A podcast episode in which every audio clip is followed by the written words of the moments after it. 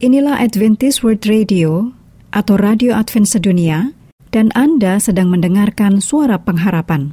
Untuk informasi lebih lanjut, silakan menulis email ke Bible at awr.org atau telepon ke WhatsApp di plus 1 224 222 0777. Inilah Radio Advent Suara Pengharapan yang kami pancarkan dari Pulau Guam melalui siaran dalam bahasa Indonesia.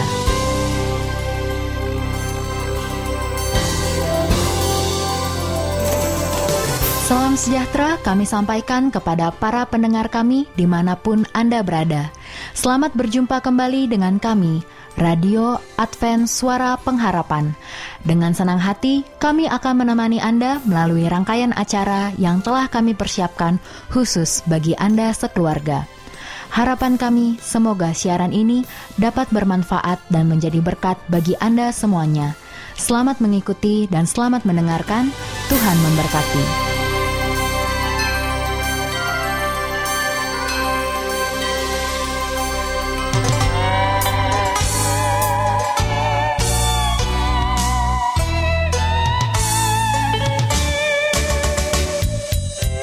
Kabar pendengar setia Radio Advent Suara Pengharapan? Lebih khususnya kami ingin mengucapkan kepada rekan-rekan remaja dan sahabat orang muda di mana pun Anda berada. Ruang Remaja dan Orang Muda kembali kami hadirkan untuk Anda saat ini. Berbagai informasi dan permasalahan seputar remaja dan orang muda akan dikupas dalam acara ini. Tentunya, sebagai remaja dan sebagai orang muda banyak sekali perubahan dan tantangan yang harus kita sikapi bersama. Dengan diasuh oleh Kak David Mamora sebagai seorang pendidik yang mengandalkan Tuhan, para remaja dan orang muda akan diajak untuk mau dibentuk menjadi manusia yang berkualitas sesuai kehendak Allah. Untuk itu, kami dari studio telah menyiapkan program yang spesial bagi Anda. Tetapi sebelumnya, marilah kita mengikuti lagu yang berikut ini. Kami dari studio mengucapkan Selamat mengikuti.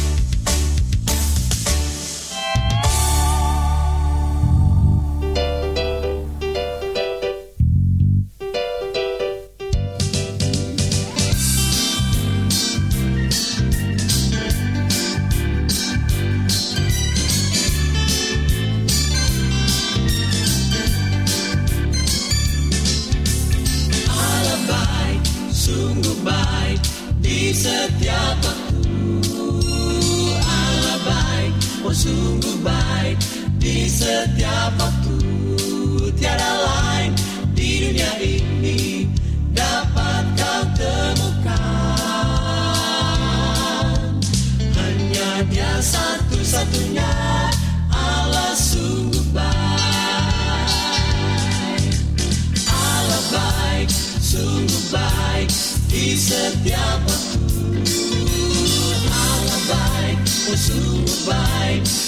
dan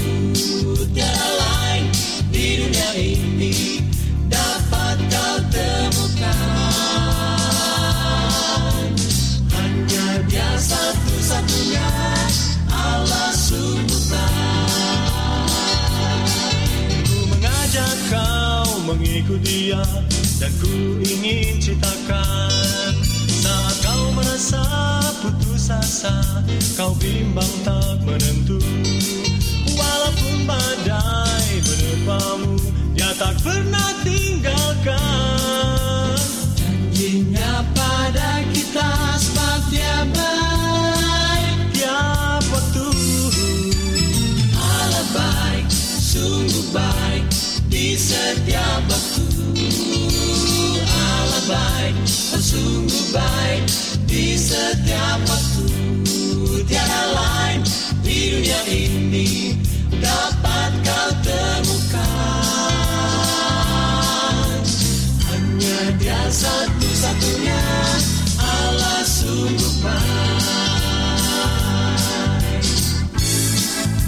Oh, dia memanggilmu di tengah malam saat kau sedang bersedih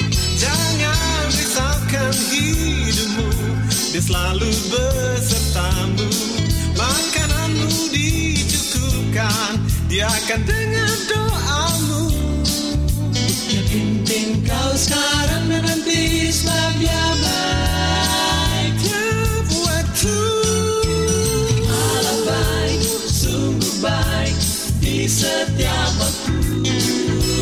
Allah baik, oh sungguh baik Di setiap waktu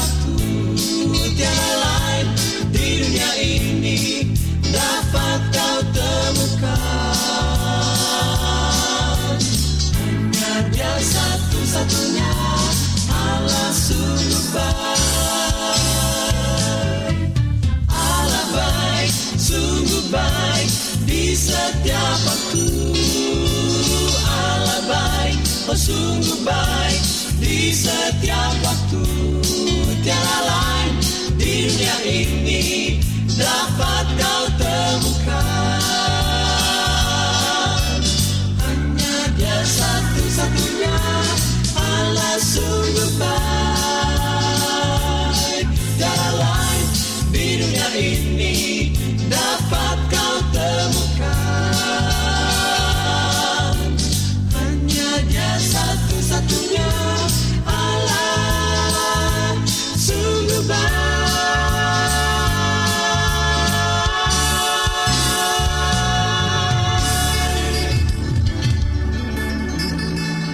Selamat berjumpa kembali kepada seluruh remaja dan orang muda sekalian, di mana pun Anda berada pada hari ini. Senang sekali Radio Advent Suara Pengharapan bisa bersama dengan Anda di udara untuk mengajak kita semua bersama-sama mempelajari firman Tuhan. Dengan judulnya pada hari ini adalah Melompati Tembok Bersama Tuhan. Ayat pelajaran kita pada hari ini terdapat dalam Mazmur 18 ayat 30. Karena dengan engkau aku berani menghadapi gerombolan, dan dengan Allahku aku berani melompati tembok.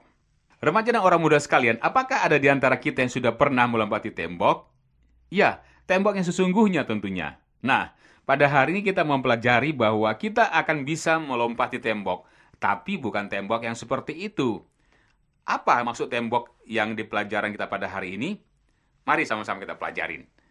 Di dalam Mazmur diceritakan bagaimana Daud merefleksikan perjalanan hidupnya bersama Tuhan dan bagaimana Tuhan melepaskan dia dari cengkraman semua musuhnya seperti Goliat yang orang Filistin yang besar itu atau bangsa-bangsa lain dan juga dengan Saul tentunya.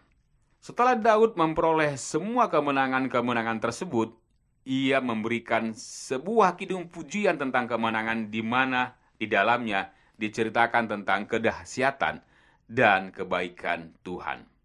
Di dalam menggambarkan kekuatan Tuhannya, Daud tidak segan-segan menggunakan banyak sekali metafora tentang Tuhan, sebab satu ungkapan saja tidak cukup melukiskan kekuatan dan keperkasaan Tuhan. Mari sama-sama kita mempelajarinya dalam buku Mazmur 18, khususnya adalah pada ayat 3. Daud memanggil Tuhannya ke dalam berbagai nama julukan yang dahsyat, seperti Bukit Batuku, kemudian Kubu Pertahananku, Penyelamatku, Perisaiku, Tanduk Keselamatanku, Kota Bentengku, dan lain-lain sebagainya.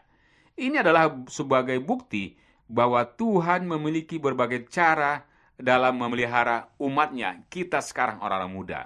Dalam mempelajari kitab Mazmur, mari kita lihat terlebih dahulu pokok-pokok yang terdapat dalam kitab Mazmur 18 ini. Remaja dan orang muda sekalian, minimal ada lima pokok penggalan dalam Mazmur 18 ini. Yang pertama adalah hubungan, relationship antara pemazmur dengan Tuhan. Ini bisa kita ketahui dalam ayat 1 sampai 4. Kemudian yang kedua adalah seruan pertolongan kepada Tuhan di saat pertolongan sepertinya tidak kunjung tiba. Bisa kita baca di dalam ayat 5 sampai ayat 7. Kemudian yang ketiga adalah ketika Tuhan kita yang dahsyat menjadi murka, ia melepaskan kekuatan supernya. Ini bisa kita baca seperti di ayat 8 sampai ayat 20. Dan yang keempat adalah dasar atau ketetapan Tuhan mengapa ia memberi perlakuan yang berbeda antara orang benar dengan orang fasik. Ini bisa kita baca di dalam ayat 21 sampai 28. Dan yang terakhir, yang kelima adalah tindakan lanjutan yang Tuhan akan lakukan kepada pemazmur dalam hal ini pribadi yang Tuhan pandang benar. Ini bisa kita baca di dalam Mazmur 18 ayat 29 sampai 30. Nah, remaja dan orang muda sekalian, inilah menjadi pesan Tuhan bagi kita sekarang ini. Seperti nyata dari pesannya kepada kita yang diambil dari ayat 30 tadi. Bahwa dengan Allahku, aku berani melompati tembok. Jelas, ini merupakan kabar gembira buat kita sekarang ini. Hanya dengan Tuhan, Allah, kita akan bisa melewati tembok yang ada di depan kita. Bahwa sekiranya ada dari antara kita yang selama ini berada dalam pergumulan di mana ada tembok-tembok tebal yang menghalangi, maka melalui pesannya hari ini, Tuhan katakan kepada kita orang-orang muda, bersama dengan Tuhan, kita dapat melewati tembok. Tembok tersebut akan kita lewati, bukan temboknya yang akan dirubuhkan, tetapi kitanya akan dikuatkan untuk bisa melewati di atasnya. Nah, remaja dan orang muda sekalian, apa yang harus kita lakukan agar kita dapat melewati tembok-tembok tersebut? Di antaranya adalah, yang pertama, ambil keputusan untuk sungguh-sungguh berjalan bersama Tuhan dan dalam kebenarannya. Kemudian, yang bisa kita lakukan yang kedua adalah ambil keputusan untuk meningkatkan diri karena semakin seseorang meningkat, tembok akan semakin mudah dilewatin. Remaja dan orang muda sekalian, marilah kita pelajari bahwa melalui pesannya ini, Tuhan sebetulnya sedang memberitahukan kita bahwa ada sesuatu yang indah di balik tembok yang selama ini mungkin menghalangi kita. Bagian kita adalah ambil keputusan untuk berjalan bersama Tuhan dalam kebenarannya, bukan dalam kebenaran kita ambil keputusan untuk terus mengupgrade diri kita hari demi hari. Semakin kita meningkat di dalam Tuhan, maka akan semakin mudah tembok tersebut kita lewatin. Sebaliknya, ketika kita memutuskan untuk tidak mau melakukan perubahan apa-apa, maka sesungguhnya kita sudah memutuskan untuk tidak mau mengalami apa-apa lagi di dalam Tuhan. Demikian pelajaran kita pada hari ini. Tuhan memberkati kita.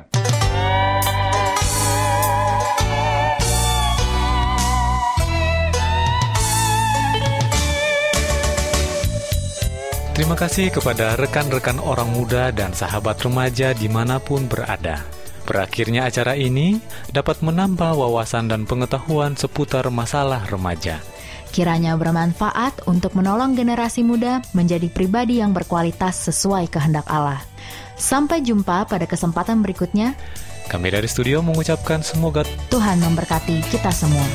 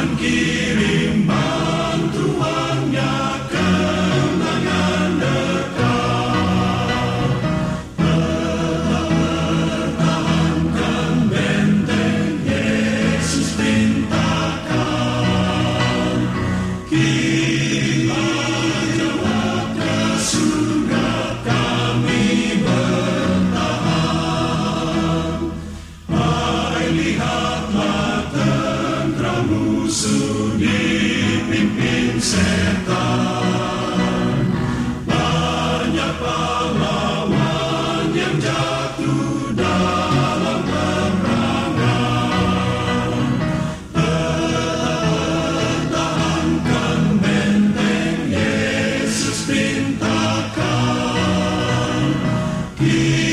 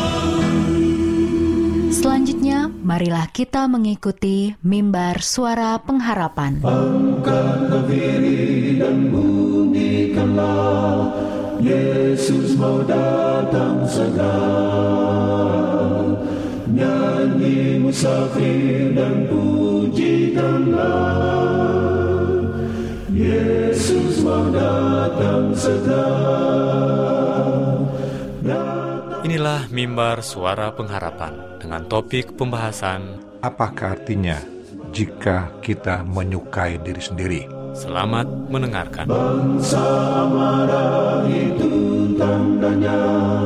Yesus mau datang segera. Pengetahuan bertambah-tambah. Yesus mau datang segera. Datang segera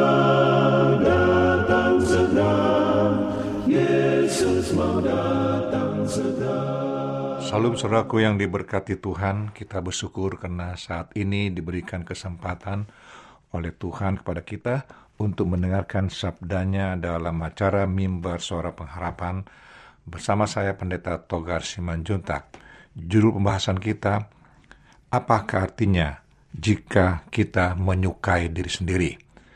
Nah, apa artinya saudaraku jika kita menyukai diri sendiri di dalam kehidupan kita, dalam rumah tangga kita, dalam kehidupan kita sehari-hari? Karena prinsipnya kalau kita menyukai diri kita sendiri, berarti kita memperhatikan akan kebutuhan diri sendiri, tetapi itu bukan berkonotasi kepada kesombongan. Ya, jangan lupa saudaraku. Seperti Yesus katakan, hendaklah kau mengasihi sama saudaramu, sama manusia, seperti kau mengasihi dirimu sendiri. Artinya apa? Kita mengerus akan keadaan diri kita sendiri, mengetahui akan kemampuan kita, mengetahui akan situasi keadaan kita. Nah, saudaraku, kita semua mempunyai gambaran batin mengenai diri kita sendiri. Hal itu memantulkan konsep pribadi tentang siapa diri kita. Kalau engkau milih sikap menyukai diri yang, yang sehat, ya ingat yang sehat saudara ya, karena kadang kala kita menyukai melakukan sesuatu pada diri kita itu sembarangan saja, dengan makan sembarangan, tidur yang terlambat, kegiatan yang tidak benar, itu sangat berbahaya sekali saudaraku, tidak sehat pada diri kita. Itu berarti bahwa engkau sudah menerima diri sendiri. Itu tidak berarti bahwa engkau menyombongkan kema- kemampuan diri. Engkau tidak mengada-ada. Bahkan engkau menerima diri sendiri, baik itu kesalahan keadaanmu maupun kekuatanmu, dan merasa berhak atas penghargaan dari orang-orang lain. Engkau sadari bahwa dari waktu ke waktu engkau berbuat kesalahan tetapi engkau merasa aman dengan apa yang kau lakukan. Engkau telah belajar untuk mengandalkan kekuatan-kekuatanmu dan menutupi kelemahan-kelemahanmu. Bagaimanapun keadaan dirimu itu tidak dapat diubah. Engkau sudah belajar untuk hidup dengan karena itu. Engkau tulus dan terbuka menerima diri sendiri sebagai individu yang berharga. Nah, saudaraku, di dalam hal engkau menghargai dirimu sendiri, memperhatikan dirimu sendiri, dengan segala kelemahan pada dirimu, dengan segala kekuatan padamu, maka engkau akan menempatkan dan memperbaiki akan kelemahanmu dan menghargai akan kekuatanmu, kelebihanmu, tetapi itu bukan menunjukkan kesombongan, saudaraku. Jadi, sering kita sebagai manusia buat kesalahan. Ya, tetapi dikatakan itu bukan membuat kita menjadi rendah diri dan merasa tidak mampu berbuat apa-apa. Kesalahan pun terjadi, itu biasa, tetapi yang sangat luar biasa jika kita membiarkan kesalahan itu dan memupuk menjadi satu kebiasaan yang salah terus menerus. Itu tidak baik. Saudaraku, jenis penghargaan diri yang sehat seperti itu membebaskanmu untuk mengalihkan perhatian kepada orang lain. Dengan begitu engkau bisa menerima kelemahan-kelemahan orang lain seperti halnya kelemahan dirimu diri sendiri. Jadi saat engkau memperhatikan akan kelemahan dirimu dan memperbaikinya, maka engkau akan bisa menerima keadaan kelemahan orang lain yang sekitarmu yang berinteraksi dengan engkau dan engkau akan melihat bagaimana mereka pun berusaha memperbaiki kelemahannya karena engkau merasakan engkau punya kelemahan juga sangat mengganggu aktivitas kehidupanmu sehari-hari. Nah, saudaraku, kelemahan orang lain itu akan selalu nyata di hadapanmu karena sifat manusia pada umumnya termasuk saya dan saudara ya apa pun itu sifat manusia seluruhnya termasuk Anda dan saya itu selalu mencari kelemahan-kelemahan orang-orang yang ada di sekitar kita yang berinteraksi dengan kita. Itu sangat sering terjadi.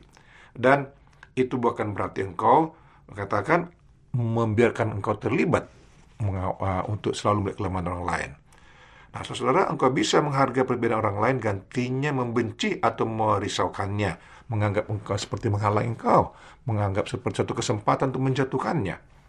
Engkau menyadari bahwa perbedaan-perbedaan itu membuat setiap orang menjadi unik.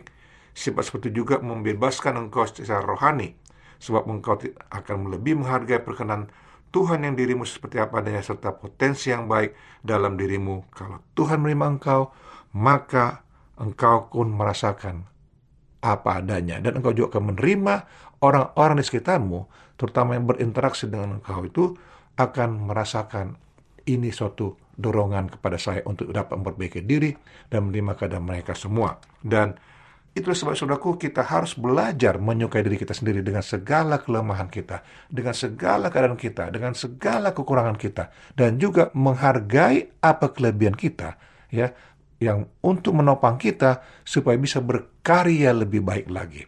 Dengan demikian juga kita juga memperhatikan akan orang lain dengan segala kelemahan yang engkau terima, ya. Terima kelemahan-kelemahan orang lain ada di sekitarmu dan berikan semangat kepada dia bahwa dia juga bisa berkarya. Dan kemudian tolong juga mereka yang lemah tersebut.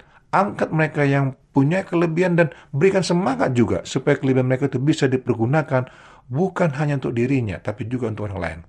Ya, saudara berkati Tuhan, kita semua mempunyai gambaran akan diri kita kehidupan kita. Kita semua mempunyai satu kekuatan yang pasti. Karena Tuhan katakan semua orang masing-masing punya talenta. Ya, ya saudaraku, masing-masing orang punya talenta. Apakah satu, dua, tiga, empat, atau lima? Ya, tetapi masing-masing. Dan pergunakan talenta yang ada dalam dirimu itu untuk engkau berkembang, engkau lakukan, engkau perbuat untuk menunjukkan dirimu siapa engkau adanya. Sehingga engkau bisa diterima di masyarakat engkau bisa berkarir ya. Dan terutama bisa menunjukkan bahwa engkau anak Tuhan yang diberkati yang setia. Dan ingat saudaraku Tuhan menciptakan manusia secara unik masing-masing dengan keunikannya kelebihan dan kelemahannya. Tetapi Tuhan juga membuat satu kesamaan kepada manusia itu kebijaksanaan surga pola pikir jika dia bersandar pada Tuhan, maka dia akan mengerti akan makna penciptaan dan dirinya. Dan Tuhan rindu agar semua umat-umat Tuhan, manusia itu yang diciptakannya adalah menjadi makhluk yang hidup, yang sehat, semangat, bahagia. Bukan sekedar makhluk hidup seperti robot atau makhluk hidup yang menjadi menyusahkan orang lain. Tidak, saudaraku. Itulah yang paling utama. Jadi cintailah dirimu sendiri seperti ya dan hargai orang lain juga agar dengan demikian saudara engkau bisa hidup damai dengan penuh sukacita. Tanamkan kerendahan hati dalam dirimu dan tanamkan padamu selalu sandar bagi Tuhan. Minta kebiasaan dari surga.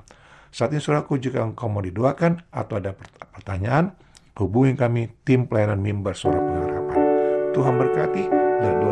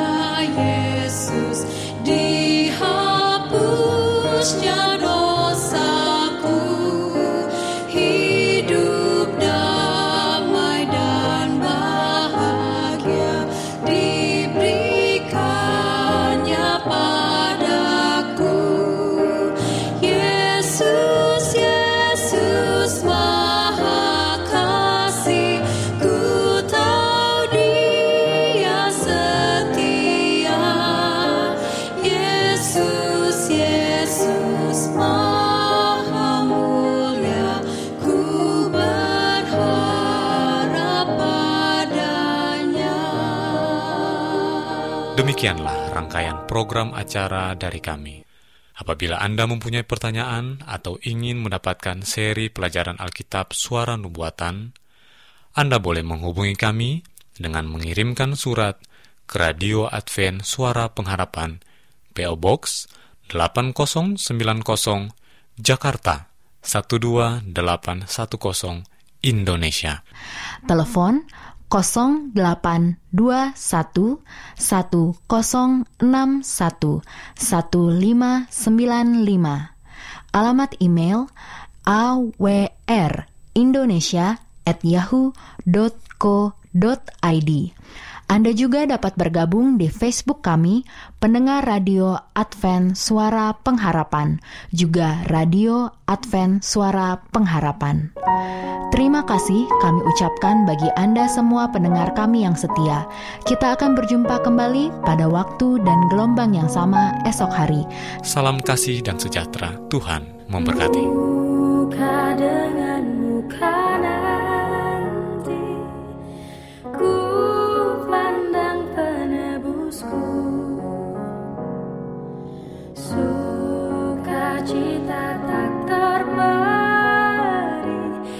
Yesus mati